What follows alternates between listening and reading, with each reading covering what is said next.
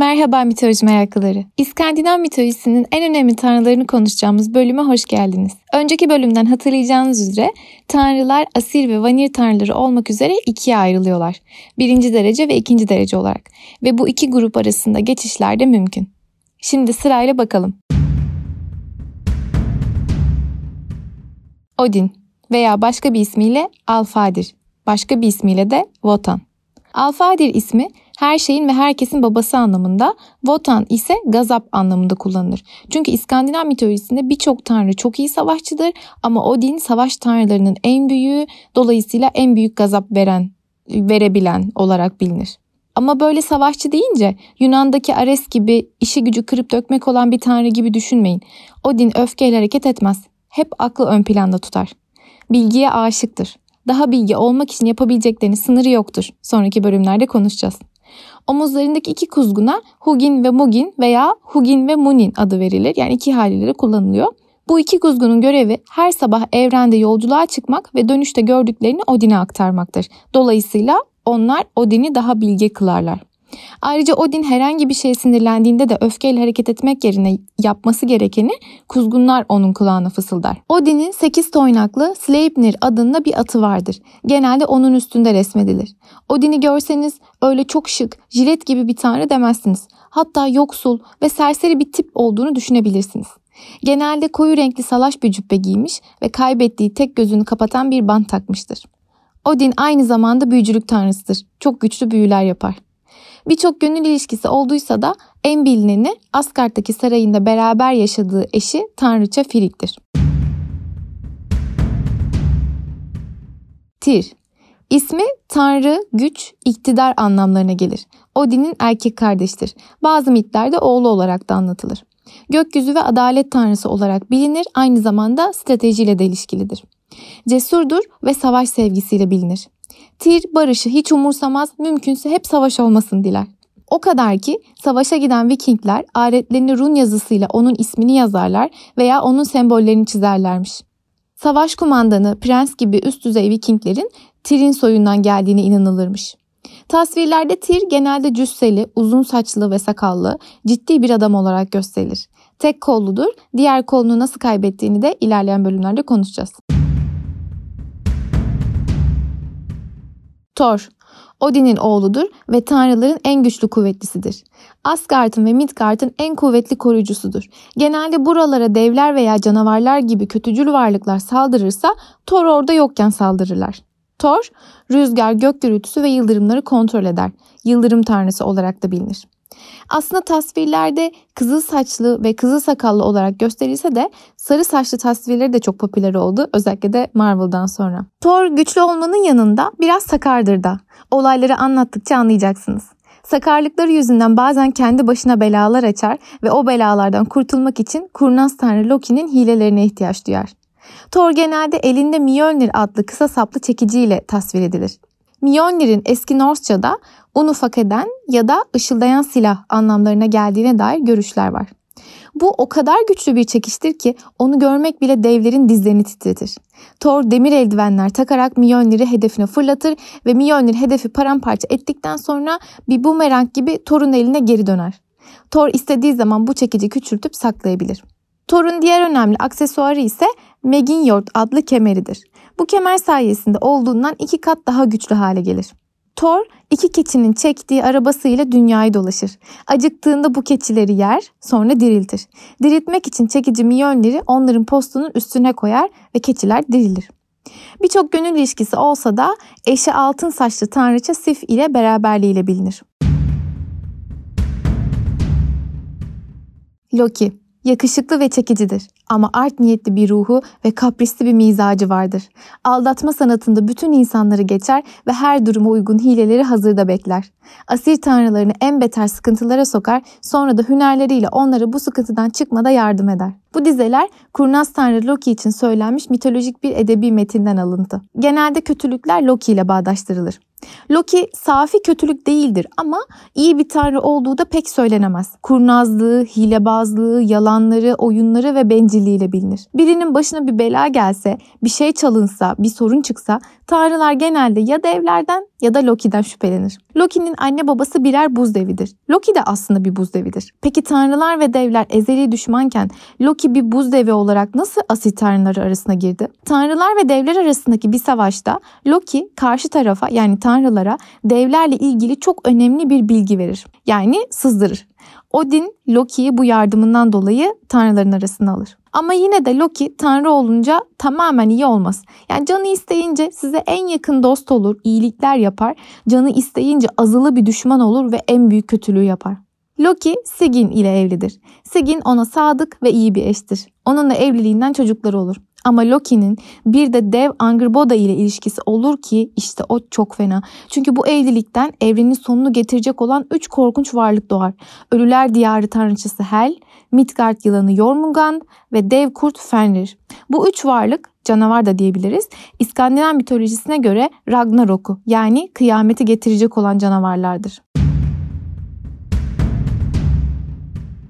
Heimdall, gökkuşağı bekçisi tanrı.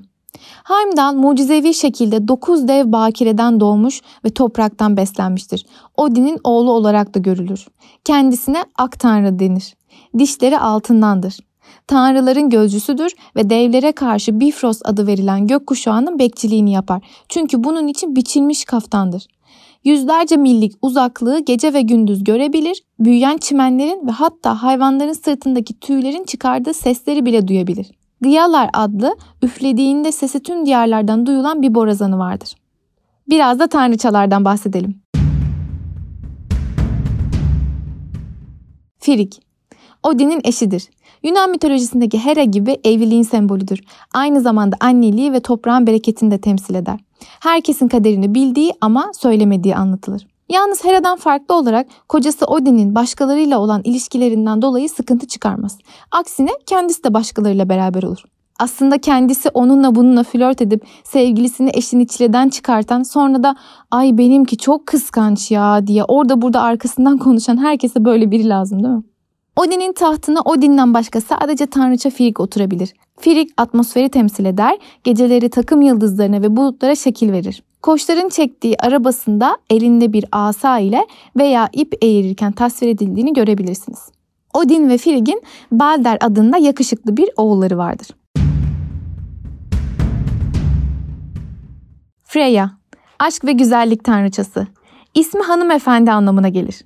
Freya aslında başta bir asil tanrısı değildir. Vanir ırkındandır. Ama babası deniz tanrısı Njord ve erkek kardeşi bereket tanrısı Freyr ile beraber asil tanrıları arasına katılırlar. Freya da birçok Vanir tanrısı gibi bereket ve kehanetten sorumludur. Yani aslında Asir ve Vanir tanrılarını şöyle düşünebilirsiniz.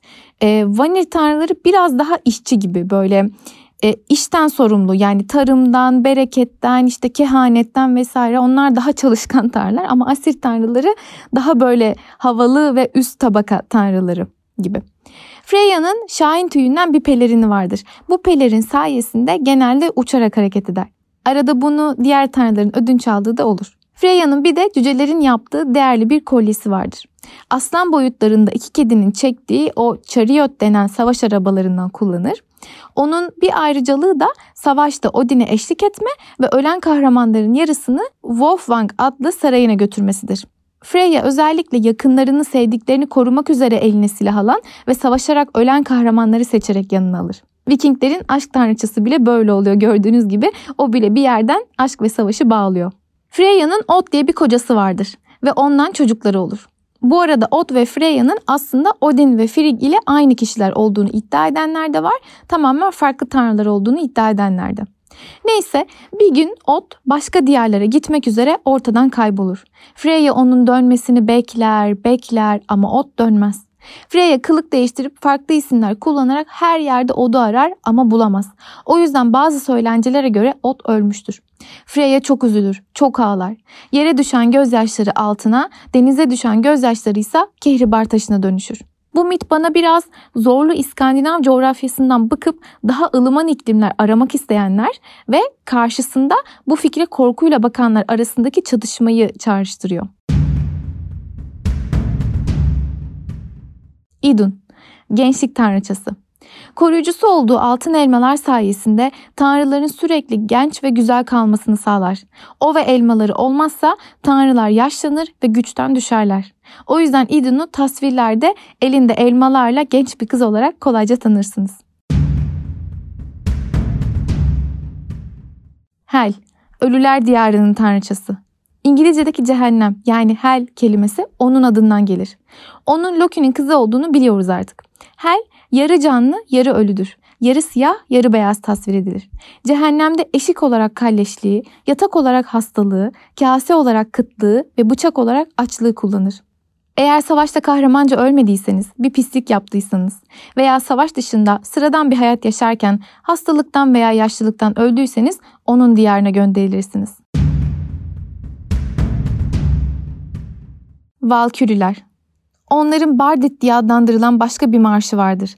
Onunla cesaretlerini uyandırırlar ve savaşta nasıl başarı kazanacaklarını sezerler. Zira ordunun söylediği Bardit şekline göre titrerler veya titretirler. Ve bu marş da bir sözler dizisi olmaktan ziyade savaşçı coşkusunun gürültülü konseridir. Tınlayan ses daha güçlü ve yankılı çıksın diye kalkanların ağızlarının önüne kapatarak en sert vurguları, boğuk ve çatlak sesleri çıkarmaya çalışırlar. Okuduğum metin Valküri ismi verilen tanrıçaları anlatan mitolojik bir edebi metinden alıntıydı. Valküriler parlak zırhlar kuşanmış, havada, karada ve suda koşabilen atlarının üstünde, ellerinde mızraklar olan bakire savaşçı tanrıçalar ya da koruyucu ruhlardır. Odin'in bakireleri dendiğinde valkürileri anlamanız gerek. Odin'in talimatıyla savaş alanına girerler, savaş alanını boydan boya kat ederler ve savaşçıları gaza getirirler. Ama savaşçılar onları göremez. Sadece ölmek üzere olan kahramanlar görür ve görenler ölmek üzere olduklarını ve Odin'le buluşacakları Valhalla salonuna götürüleceklerini anlarlar. Valküriler içinde bulunduğu topluluğu, kabileyi veya e, yurdunu savunmak için eline silah alan ve savaşta ölen kahramanları alıp Valhalla'ya götürürler. Yani Valhalla'ya herkes giremez. Valhalla'da Valküriler Odin ve beraber içki içtiği misafirleri olan bu kahramanlara içki servisi yaparlar. İki çeşit Valküri vardır. Bir gök Valkürileri, iki Midgard'da yaşayan yarı ölümlü Valküriler. Valkürilerden de bahsettiğimize göre ölenlerin neye göre nereye gittiğini anlamış olduk. Özetleyelim. Üçe ayrılıyor. Dürüst savaşmayanlar veya sıradan bir hayat yaşayıp hastalık veya yaşlılıktan ölenler Hel'in diyarına, sevdiklerini korumak için savaşan kahramanlar Freya ile Wolfgang'a ve kabilelerini yurtlarını korumak için savaşan kahramanlarsa en yüce savaşçılar olarak Odin'in şölen salonu Valhalla'ya. Evreni ve önemli tanrıları tanıdığımıza göre gelecek bölümlerde artık olayları konuşuruz.